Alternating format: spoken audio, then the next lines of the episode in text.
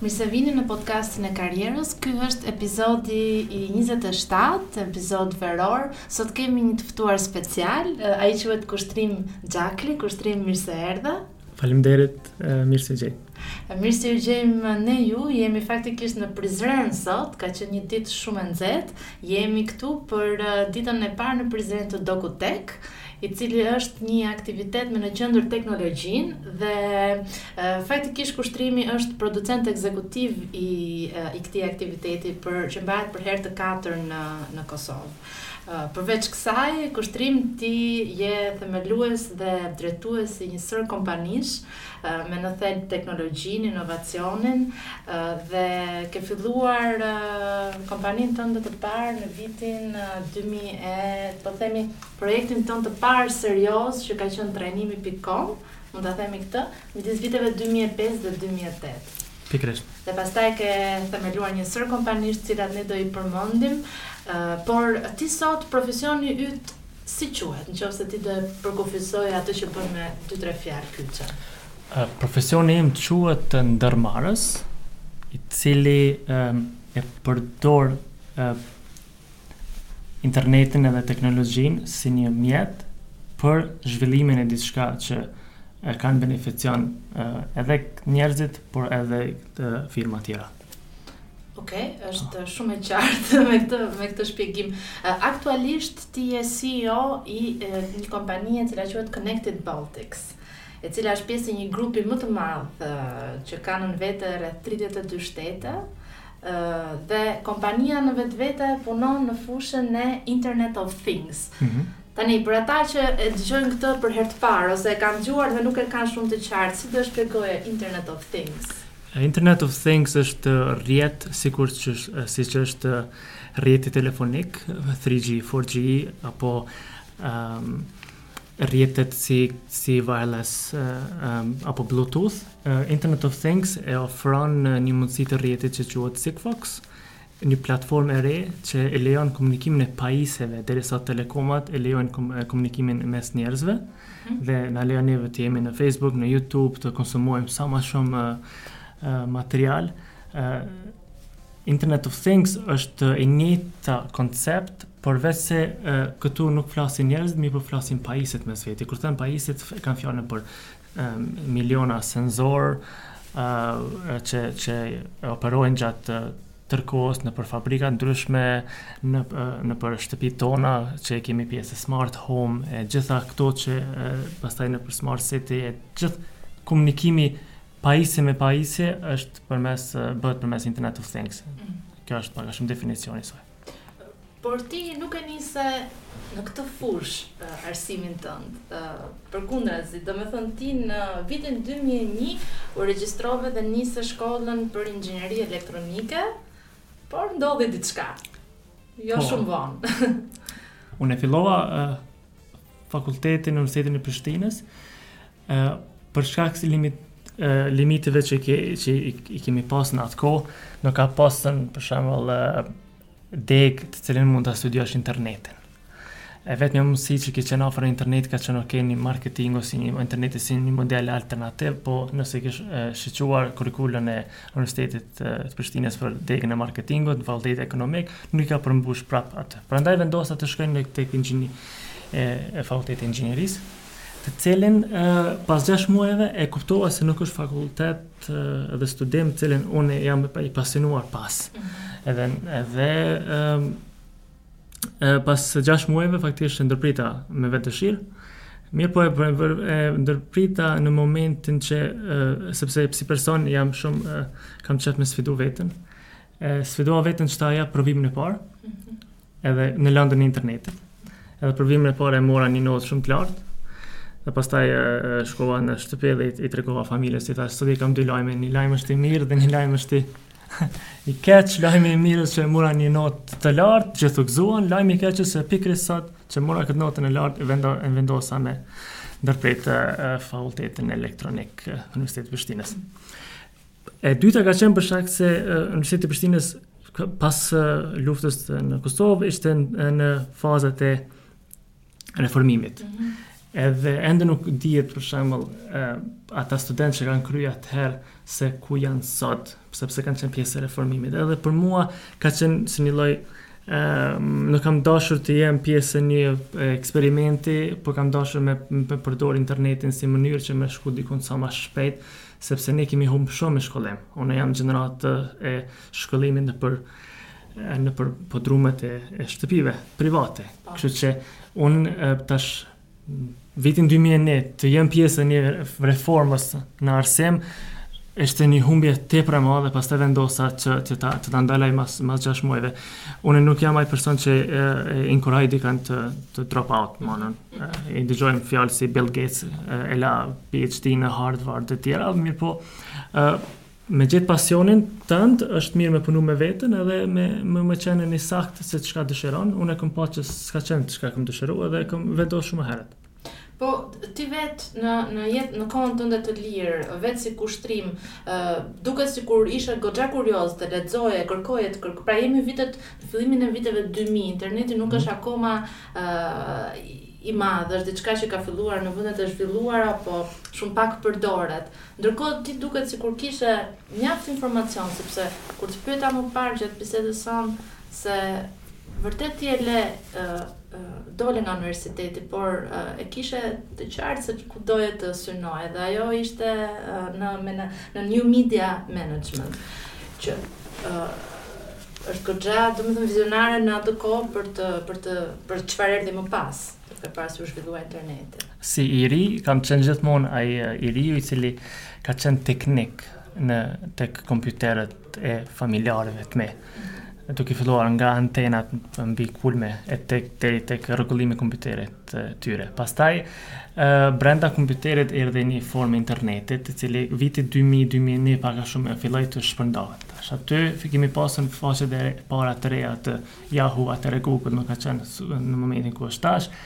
Dhe aty e kam pa një, një medium i cili uh, nuk e kam pa ma shumë, sesa një medium alternativ i marketingut. Për shembull, unë i tregojsha njerëzve, thojsha, nëse ju e, shpenzoni para me me pas me bë marketing në televizion, në radio, në gazeta, ti duhesh me shpenzu po aq para me pas marketing edhe në internet. Tash në atë në atë kohë ka qenë si lloj e pa interneti s'ka qenë si medium alternativ për për marketing. Por ne kemi pas një besim që me e, e ka shtuar një kanal. Mm -hmm.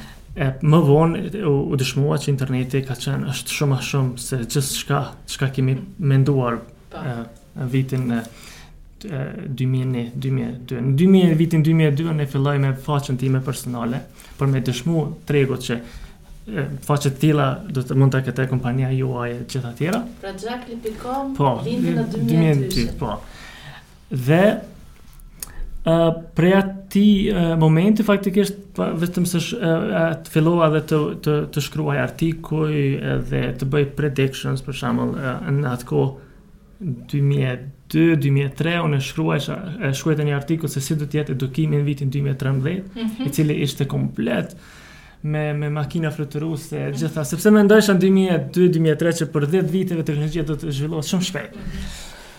Disa gjëra janë zhvillu shumë shpejt, disa gjëra kanë ngecë, uh, mirëpo më ka ofru me, me pas një medium ku jam lidhë me njerëz të botës shumë ma shpejt, edhe atëherë ka, i kanë qenë shumë të paktë njerëzit të cilët kanë komuniku me blogje dhe ekip dhe mënyra e formimit të lidhjeve ka qenë shumë ma e shpejtë sepse e, kanë qenë 10 15 blogjet që ti i ki ai të ka bërë hyperlink ty dhe sa ti atij dhe pastaj jeni qenë një pjesë një grupi komuniteti on, online që keni bashkëbisedu aty kam mësuar shumë dhe pastaj e kam definu që studimet e ardhshme do të jenë pikërisht për new media domethënë si medium i ri rreth internetit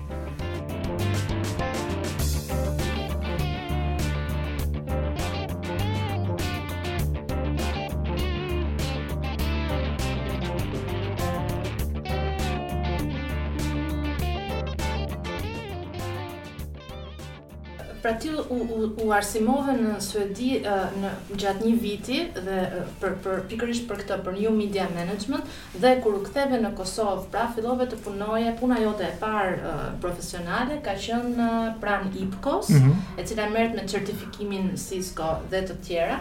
Aty ty të dhanë ti pate një mundësi shumë të mirë sepse deri diku të dhanë hapësirë të lirë që ti gjithë energji dhe Pasion që kishe ti të mund ta derdhje në departamentin e kërkimit dhe zhvillimit, që ishte praktikisht një departament ku vetëm ti punoje dhe ti kishe të lirë çfarë ndodhi gjatë atyre viteve? Isha isha drejtor i departamentit me një punëtor veten.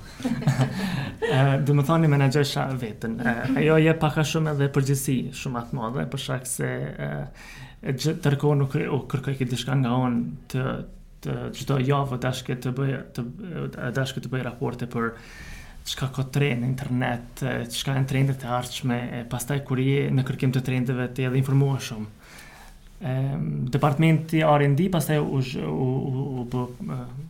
me me staf dhe e, e krijuam një platformë digjitale për arsimim në Kosovë që quhet trajnimi.com.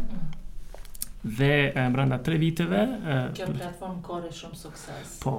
E korri sukses e, shumë të mirë nacional në Kosovë ku gjitha shkollat e, e mesme dhe fillore e adoptuan këtë si pjesë e kurrikulës ekstrakurricular activities të tyre. Për tre vite ndodhi po, kjo. Pastaj edhe Ministria e Arsimit në atë kohë e mori edhe e shpërndau nëpër gjithë depart nëpër gjithë shkollimin. Domthonë Ministria e Arsimit në atë kohë investojke shumë në infrastrukturë, investojke shumë në për pajisjen e, me, e laboratorëve kompjuterikë nëpër shkollat e Kosovës, edhe pastaj Me shpërndarjen e laboratorëve u shpërnda edhe platforma.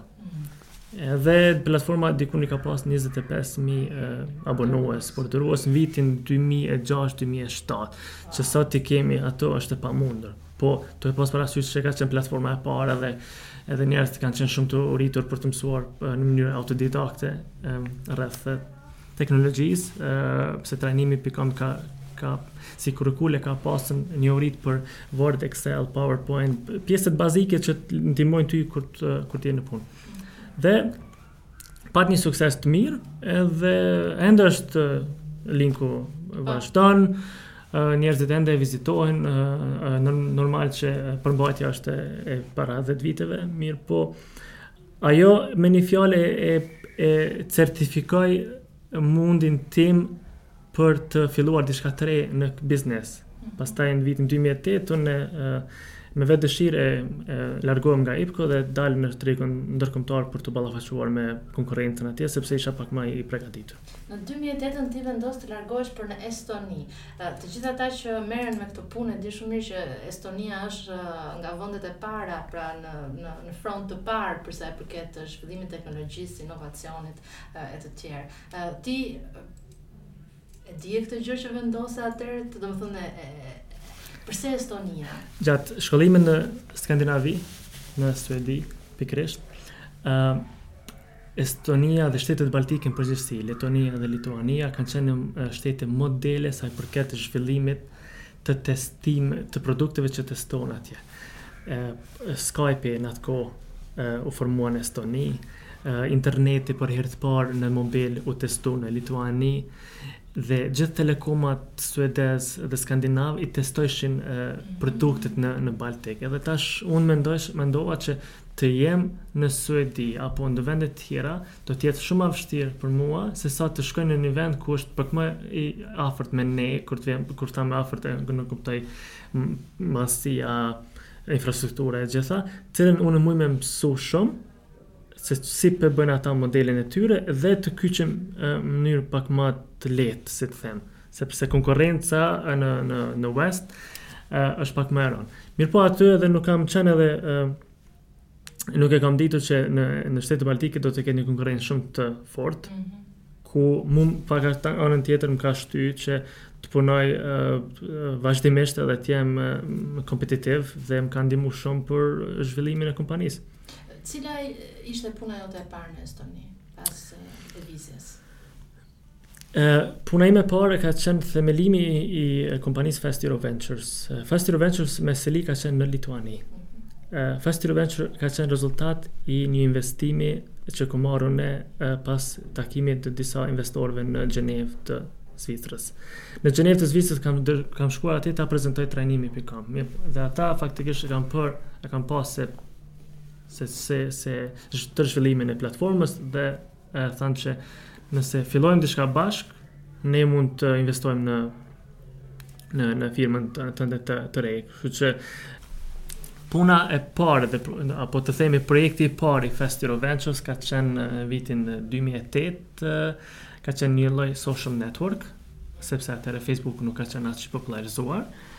Ka qenë një social network lokal për për Estoni, Letoni dhe Lituani dhe ne çka kemi ndërtu, e kemi ndërtu uh, mobile payment solution që i bjen mundësia pagesës me celular. Mhm. Tash mundësia pagesës me celular është bërë nëpërmes operatorit dhe përmes SMS-it. Mhm. Një teknologji që sot është shumë e vjetër, mirëpo atëherë ka, ka qenë mënyra e vetme sepse s'ka pas nuk ka pas ende smartphone, por kanë qenë vetëm këto feature phone. Mm -hmm. siç ka qenë Nokia e tjera.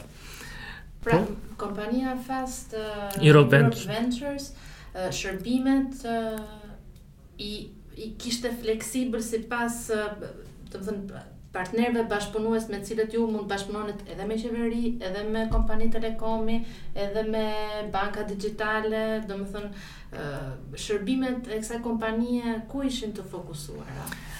Tash, kompania, um, Ishte dy anë, është njëra është zhvillimet e produkteve siç është Mobile Payment Solution, e dyta ka qenë se si kompani e re dhe me një kapital shumë fillestar, ti ke qenë i obliguar të të të jesh të të jesh aktiv edhe tek pjesa e consulting për shkak se për të për të pasur të hyra gjatë kompanisë në mënyrë që me me mi shpen, shpenzu tek zhvillimi i produktit.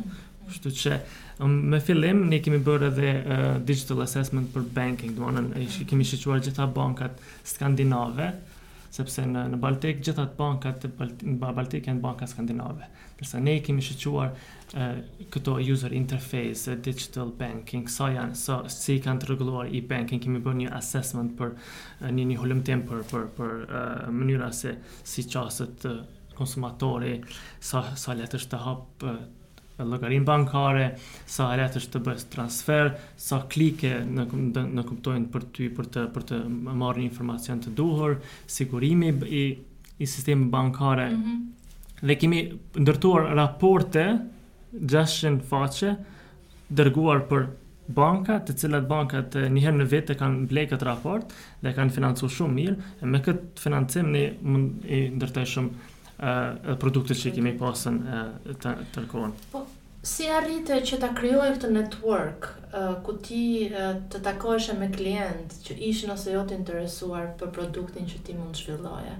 Pra, nga momenti që u zhvendose në Estoni, si operove për të ndërtuar lidhjet e duhura që ti të filloje të operoje në Apo është një një një diçka graduale që filloi në Kosovë dhe kompania në në në Fast Europe Ventures është ka qenë partner, kemi qenë partner me me, me ortakët të mi. Dhe disa pi kontakte të tyre, disa pi nga kontakte të mia, sidomos tek banka skandinave kontakte të mia nga nga koha në Suedi. Dhe puna e përditshme dhe puna um, efikase, që e strategjia jonë efikase, të jemi sa më uh, pranë uh, konsumatorit, të ofrojmë diçka një në anglisht i thojmë added value, mm, një vlerë të shtuar. Ajo na ka bërë neve të jemi pak më ndryshe sepse se këto big uh, giant consulting companies, kompanitë e mëdhaja konsulente që janë uh, në treg. Dhe pastaj jemi kemi edhe pas edhe kosto ka qenë një faktor relevant, të cilën ne nuk kemi pasur zyre luksoze në fillim, as kemi as tani sepse nuk i, nuk kemi nuk kemi qenë të fokusuar pas pas pamjeve të zyrëve, mirëpo kemi qenë shumë të fokusuar ndaj produktit, pastaj edhe kosto që kemi që gjithmonë u kanë dashur të jemi, kanë kanë është dashur të jemi pak më të lirë Ka rezultuar me një bashkëpunim shumë të mirë. E tash pastaj kur e merr një bankë 2 3 e fiton edhe besimin që të tjerat vetëm follow up. Vlen për të përmendur po. se kompania që ti drejton sot është le të themi një vazhdimësi po. e e Fast Europe Ventures. Po Fast Europe Ventures ka pas momente kritike sepse momentin kur Steve Jobs e, e vendosi në treg iPhone-in. Mm -hmm. Gjithë sistemi mobile payment që kemi përdorur ne u shpërbë. U shpërbë edhe me një fjalë nuk nuk kishte më sens të, të vazhdojmë në atë mënyrë. Dhe pastaj ishte edhe kriza financiare. 2008, 2009, 2010, të cilën gjitha departamentet e marketingut e ndalën buxhetin për për ekstra added values. Po, po. Edhe kompania ka pasën, si të themi në anglisht, ups and downs, man, batica dhe të, të mëdhaja. Ku uh, pak a shumë është reformuar gjithë gjatë gjithë kohës edhe kanë ardhur partnerë të ri, kanë dalë partnerë tjerë. me një fjalë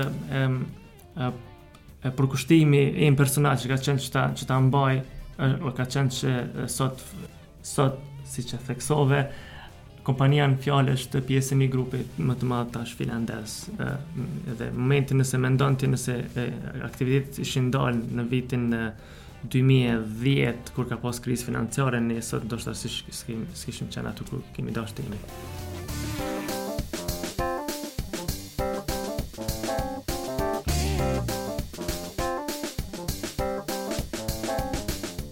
Pra, sot ti je deri diku në një vend ndoshta nga më të sigurt deri gjatë nëqoftëse e krahason me me karrierën tënde dhe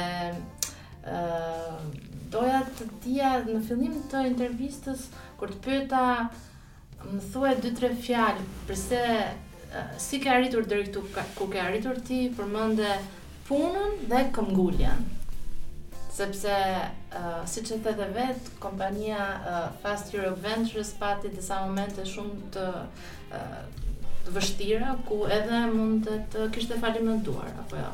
Dhe ishte këmbgulja jote dhe puna jote që e mbajte në sipërfaqe derisa sot siç thamë pra është pjesë e një grupi të konsoliduar. Dhe unë doja të pysa pak më shumë në lidhje me punën që ti bën sot. Dhe ti e shpjegove pak më përpara The Internet of Things. Por në qoftë se ma shpjegon me një shembull, për shembull, që ti le të themi punën e fundit që ti je marrë ose që po merresh aktualisht në këtë kompani. Që që dhe ata që na dëgjojnë ta ta kenë më të qartë se çfarë është tamam kjo që ti shpjegove. Ëm um, e marrim shembull um, sistemet e alarmit. Ato janë sot të lidhura me telefoni mobile, GSM, uh, cilën operatorët telefonikë e ofrojnë. Dhe shumë objekte anembanë sot e kanë sistemet e alarmit si nevojë për të për të siguruar. Po. Te sistemet të alarmeve, e, e, ti mund të shkosh në AliExpress dhe ta blesh një GSM jammer, që i bien një pajisje të cilën sikur kinemaja që ta ndalon ty e, recept e, reception, do të thonë mm, po, valët valët e telefonit në në kur ti në kinema, po. është e njëjta teknologji si anti-jammer që ta ndalon ty. Ah. Edhe tash një dikush mund ta blejë një pajisje të tillë dhe të shkon te një objekt i caktuar, ta aktivizon anti-jammer mhm. dhe ta bën komplet sistemin e alarmit obsolet. Do mm. të sistemi i alarmit edhe nëse ndizet baza nuk e kupton sepse Komunikimin e ka ndërpre që kjo anti-GSM Jammer që mund të blehet për 15 dollar në AliExpress. Tash, Internet of Things vjen si complementary service, që vjen shërbim shtesë. Çka bën është se e jep mundësi këtij sistemit të alarmit të jep për, për shembull si një lloj backup.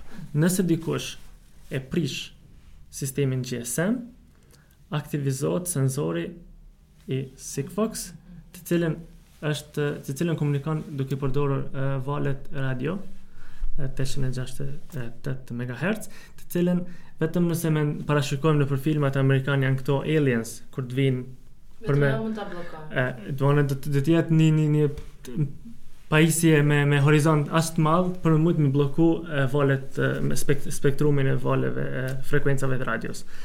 Dhe kjo është një një prej use cases për shembull që kemi për që kemi kohën e fundit, pastaj ka shumë senzorë për logjistik, Po çka është më e mira për për për për Internet of Things është që gjitha pajisjet që kemi në shtëpi do të jenë të lidhura me internet. Po kur themi me internet nuk do të thotë që gjitha pajisjet ato kanë me konsumu YouTube dhe Facebook. Ato pajisje kanë me qenë të komunikuar mes vete. Momentin ti me veturë kur më, e vjen në shtëpi, senzori e, e sheh që vetura arriti. Pajisjet e zgjuara. e pastaj makina e larjes e ndalon funksionimin ndërsa muzika jote favorite vazhd fillon sepse ti ke vetëm kjo, kjo është komunikimi ndërsa këto e, këto komunikim nuk e bën ti po i bëjnë pajisjet mes veti, derisa ti e, ju e, e programoni në këtë mënyrë kjo është internet of things që është e ardhmja e pajisjeve që do të jenë të lidhura me me me internet në gjithë botën Si e shef Kushtrim, ti që ti ke punuar kaq shumë vite në botën e teknologjisë, inovacionit, si e shef inovacionin dhe, dhe teknologjinë?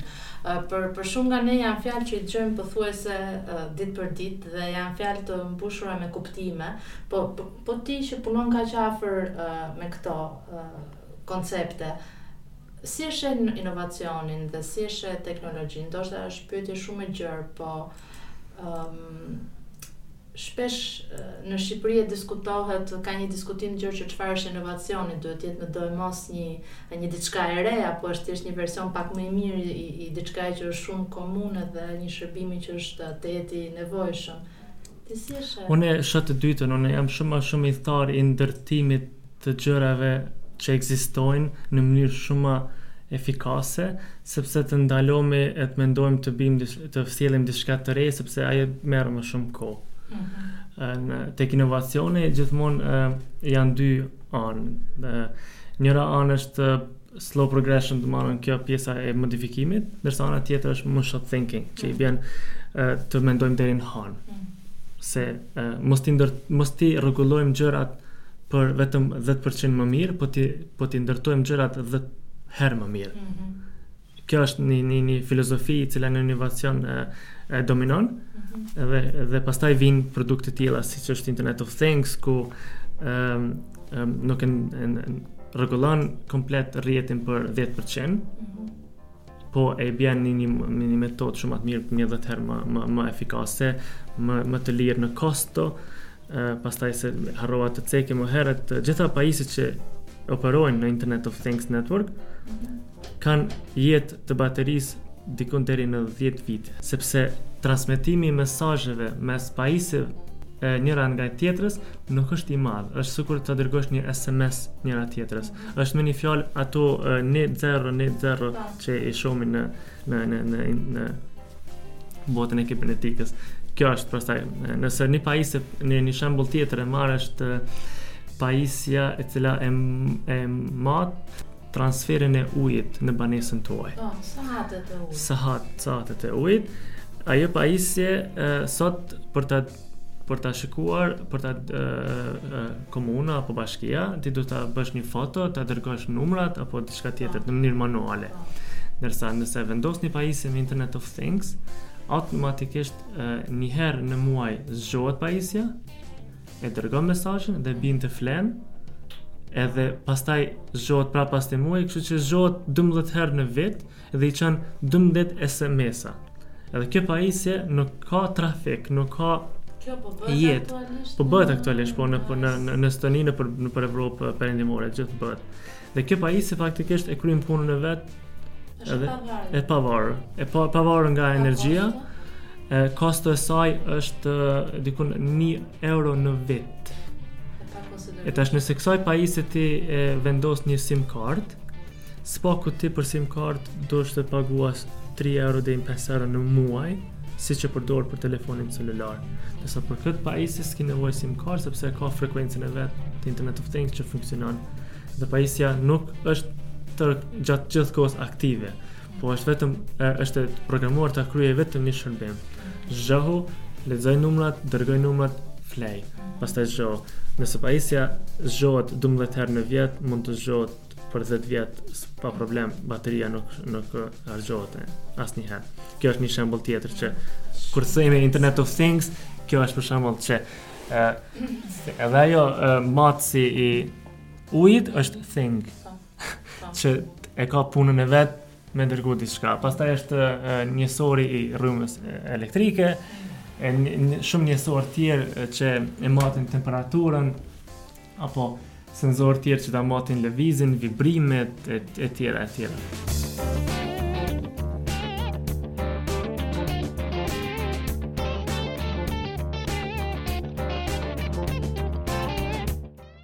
Si është një ditë jotja sot? Nga mëngjesi deri kur Mundohem të punoj 10 orë në ditë? Mhm. 10 orë intensive. 10 orë intensive, po. Me me me pau me me me pauza ëm um, e përdori kët uh, tomato timer. Mm -hmm. Që është uh, çdo 3 herë 25 minuta. Duhet të lëvizësh. E ndan puna 25 minuta e bën një 5 minuta pauzë, pastaj 20 25 minuta sprint, 5 minuta pauzë, 25 minuta sprint, 15 minuta pauzë. Mhm. Pastaj kam një orë të të lirë të drekës dhe vazhdoj me të njëjtin ritëm. Me një fjalë, uh, unë çka kam arrit ta bëj është një gjë që nuk mund ta nuk kisha mund ta kem nëse kisha jetu ende në në rajonin tonë. E ajo që e dallon pak a shumë ndërmarrësit e jashtëm me këtu është në anglisht i thonë pace. është ritmi. ritmi. Nëse nuk ke ritëm, atëherë nuk mund të arrish në, në asgjë. Nëse uh, unë jam i gatshëm të zgjohem uh, në orën 6 të, mën, uh, të mëngjesit, të hypi avionit të shkoj në një shtet, ta, ta përfundoj punën dhe të hypi avionit të kthehem në të njëjtën ditë, prap të kthehem të flej në vendin tim dhe të nesër mund të dal në zyre sikur asgjë s'ka ndodhur mm -hmm. ditën e kaluar. Ndërsa nëse mendon që unë jam duke bërë një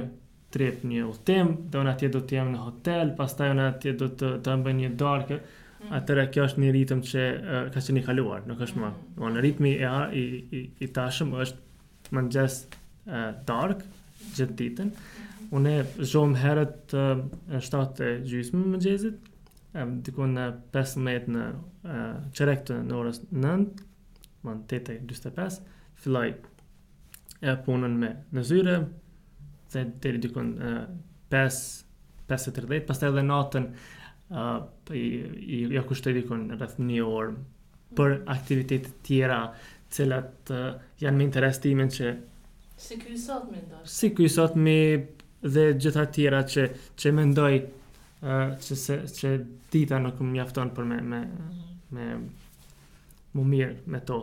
Kam shumë e kam shumë qejf të punoj me Google Spreadsheet. Ëh. Mm -hmm. Dhe e, mund të ndodhë që e punoj për 2 orë një kalkulim të cilën pastaj jau dërgoj disa miqve them përdorne qeto kur doni me bë kalkulime mhm. sepse është i mirë bab. Unë nëse shikoj një, një lojë futboli 90 minuta, unë pranë kam një, një, një laptop te cilën ndërtoj diçka mhm.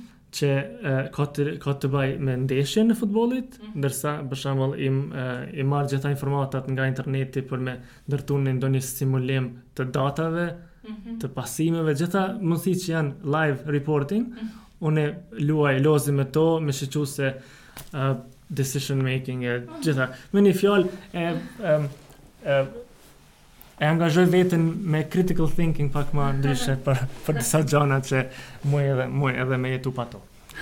Dhe ne dhe pak pyetje na kanë ngelur se dhe po na na po na mbaron, po si e shikon këtë 10 vjeçarin e ardhshëm në në në këtë që ti po bën? Pra si e shikon pak a shumë zhvillimin, ku është tendenca në në në në këtë që ti po punon? Është shumë vështirë me prediku dhjetëvjeçarin e ardhshëm, sepse në njërën anë mendja të shkon që ka me pas zhvillime shumë ma të shpejta mm. se tani, mm. sepse ritmi është tu u shpejtu. Nëse ah. mendojmë për shembull që sot çka është tu ndodhë, në mënyrë të shpejtë jemi shumë gabim, se tash është mënyra më e ngadalshme çka është tu ndodhë. Mm-hmm. Vetë personalisht unë i frigohem shumë gjeneratës të re sepse kam qenë pers i ri, ai person i cili e ka zëvendësu një person të moshuar, sepse kam ditë me punu me kompjuter. Mm. Ndërsa gjenerata e re që është tu u zhvillu tash, mm -hmm. do, do ta bën të njëjtën tek unë. Mm -hmm. Prandaj e, e, e kam si një lloj vizioni ku e, punën që e bëj sot, du me pas parasysh që do të, do të ketë punë për mua dhe 10 vitet e ardhshme. Se përndryshe vijnë gjeneratat e reja të cilët janë shumë ma të shpejtë në ritëm. Shumë profesione se... po shuhen. Po. E, ehm, tek aspekti i teknologjisë, gjitha gjërat do të jenë më të lidhura, e, kur vjen puna, e, tek, të, sidomos tek puna e industrisë ku jam në Internet of Things, mm -hmm. është një industri komplet e re, mm -hmm. e, ka e, deri diku 80 bilion pajisje do të lidhen me me, me internet të vetin të posaçëm që e shpjegova ku do të komunikojnë aut uh, inteligjenca artificiale do të zhvillohet shumë. Mm -hmm. uh, intervistat e të ardhmes s'kanë më, nuk kanë më, me qenë më për të për të filluar ndonjë punë sepse kanë kanë me zhvilluar një inteligjencë artificiale e cila automatikisht e din se çka ke se mënyra çka ke punuar etj. Po gjithmonë aspekti human dhe moral do të jenë ato që do ta edhe ngadalësojnë e do ta përmirësojnë. Mm. Ëh, se domethënë ka polici komplet interneti, nuk ka polici inovacioni, mirëpo inova, ti mund ta përdorësh për shembull çekanin, me ndërtu një shtëpi shumë të mirë, po mund ta përdorësh edhe me për për ta prishur apo për ta mbytur një, një njeri. Kështu që kemi gjithmonë kemi me pasur kët uh, bright side dhe dark side, mm -hmm. por uh, kam bindjen që uh, kemi mësuar shumë. Mm -hmm. 10 vitet e kalume. 2007-2017, 97-2007, qëto 20 vite kemi mësuar shumë saqë po na lejon neve që vendimet që i marrim për 10 vjeçarin e ardhshëm, me kon shumë ma të mira sesa vendimet që i kishin marrë për shembull që janë kon vendimmarrës në 97 apo 2007. Që që e kam një bindje mirë që e kemi mësuar se, për një, një, një shembull konkret është interneti ku kur u ndërtu në vitin 1991 92 Nga Tim Berners-Lee, të cilin personalisht e kam si idol. Sepse idol nuk e kam unë dikush që e merr edhe e shet kompaninë dhe i bën milionat po dikush që jep diçka që është më e madhe se krejt milionat që që bën. Po. Edhe kemi kemi mbajtë edhe ende internetin mënyra sikur u formu. Mm. E mu më gëzon shumë ai fakt që njerëzit pavarësisht që ka pas kompani si Google që kanë pas suksese të mëdha e, e, Tesla e të gjitha të tjera, prapë se prapë Core values mhm. kanë mbetë. Domethënë interneti të jetë i hapur edhe të jetë i barabartë për të gjithë. Mhm. E kjo na ndihmon shumë në zetë vjeçarin e ardhshëm, nëse mhm. mundim ta mbajmë. Nëse diçka ndodh edhe derregullohet, atëherë diçka është ndoshta dalin internetat e decentralizuar pak më shumë, po prapë se prapë do të ketë një luftë për për pavarësinë e një mediumi siç është interneti, që jemi shumë fatlum ta kemi të barabartë për të gjithë. Mm. Edhe pyetja e fundit për për për këtë intervistë sot është faktikisht duke hedhur sytë pak nga Shqipëria dhe Kosova dhe dëgjuesit tanë të këtij podcasti janë kryesisht të, të rinj mes moshave 18 e 30. Mund të ketë sipërmarrës mes tyre dhe ti pak më parë bëre edhe një krahasim midis ka një stil tjetër sipërmarrje edhe jashtë edhe në Shqipëri dhe në Kosovë. Si e shikon sipërmarrjen në këto vende dhe ku e shikon potencialin? Duke marrë parasysh gjithë ato karakteristikat që që ne i dimë që kemi si para uh, 10-15 viteve uh, Kur isha nëpër konferenca ndërkombëtare për teknologji e pasha një ishte për shembull isha në në në Gjenevë në një konferencë që isha rregullisht 4 vite me radhë. Edhe aty e, gjithë u ankojshin për internetin në telefon nuk ka qenë i shpejt, mm -hmm. por nuk ka qenë i shpejt as te ne këtu. Mm -hmm. Edhe ke mund ta ta ta, ta bësh një krahasim se sa është larg industria duke u zhvilluar në vendet e perëndimit me sa jemi ngecur ne mbrapa. Tash nuk mund me u bë krahasim më. Sepse kanë ik gjërat shumë larg. Nuk nuk mund me krahasu më diçka. Tek potenciali e, vendet e rajonit e kanë një potencial që nuk e shfrytëzojnë, të cilën e përsëris shumë shpesh. Ë, nëse mësojmë diçka për shtetet baltike, Është pikërisht kjo. Shtetet baltike e kanë është janë vende të testimit të produkteve të reja. Prandaj edhe lindin inovacione si Skype, TransferWise, pastaj ky roboti që ta sjell picën deri te shtëpia që është ka dalë nga Estonia. Janë vende testimi sepse nëse një kompani e madhe lanson një produkt në Lituani apo Estoni apo Letoni, ata kanë mentalitet të uh, skandinav, kanë mentalitet east, domethënë, lindjes, kanë mentalitet pak a shumë të west, Mhm. Mm domethënë perëndim. Tokë e mirë për të testuar. Për të testuar. Nëse e gjejmë në Evropë një vend të tokë tjetër të mirë për të testuar, nuk mund me gjet askund tjetër përveç rajonin tonë, pikërisht Kosovë dhe Shqipëri. Sepse këtu ka njerës që kanë mentalitetin shqiptar, jugoslav, italian, italian, grek, turk, gjithçka. Edhe nëse funksionon, Në tregut tregjet tona lirisht lanson një produkt shumë më të madhe në tregje të mëdha si Italia, Turqia, Greqia. Mm -hmm. Dhe kjo duhet me përdor si një më, si një avantazh që kemi ne, sepse ne jemi shumë multilingual. Nuk ka shtete të rajonit që e rrethon Kosovën e Shqipërinë që i din gjuhët e, e, e gjitha vendeve të njëra tjetrës. Domethënë në Kosovë ka, e, janë shumica njerëz janë multilingual në Shqipëri të njëjtën gjë e kanë. Kështu që duhet me përdor për për testimin e shërbimeve të mm. të reja dhe pastaj aty lindin edhe inovacionet. Mm.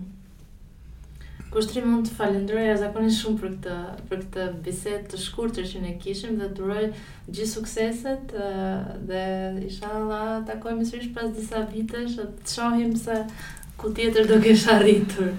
Faleminderit shumë për juve. Pas disa viteve mund të jetë një një kushtrim të cilët punët i kanë ecur mbar sepse industria ka ecur mbar dhe shpejt, po mund të jetë një kushtrim të cilën ka mund gjithçka të falimentojë sepse në biznes nuk ka formulë magjike. Mm.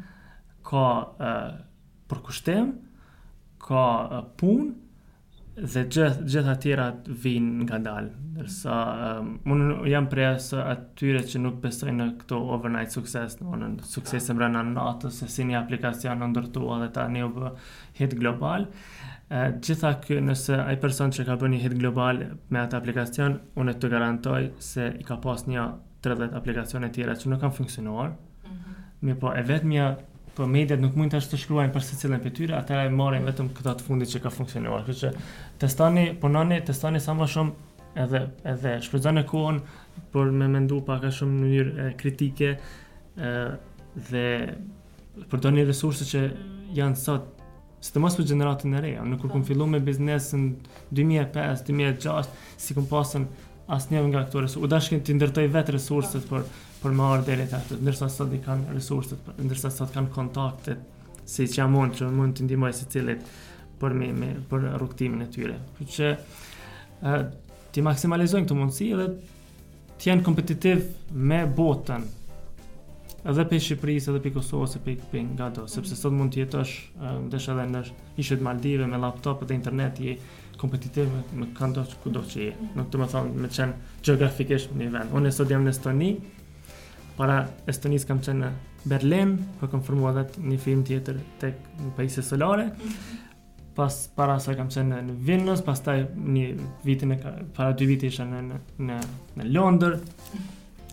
Sepse masi e filluam me edukim pas 10 viteve edukim që kam pasur në Suedi, unë vendosa të të të bëj një pauzë të bëj edhe një edukim të ri. Mm.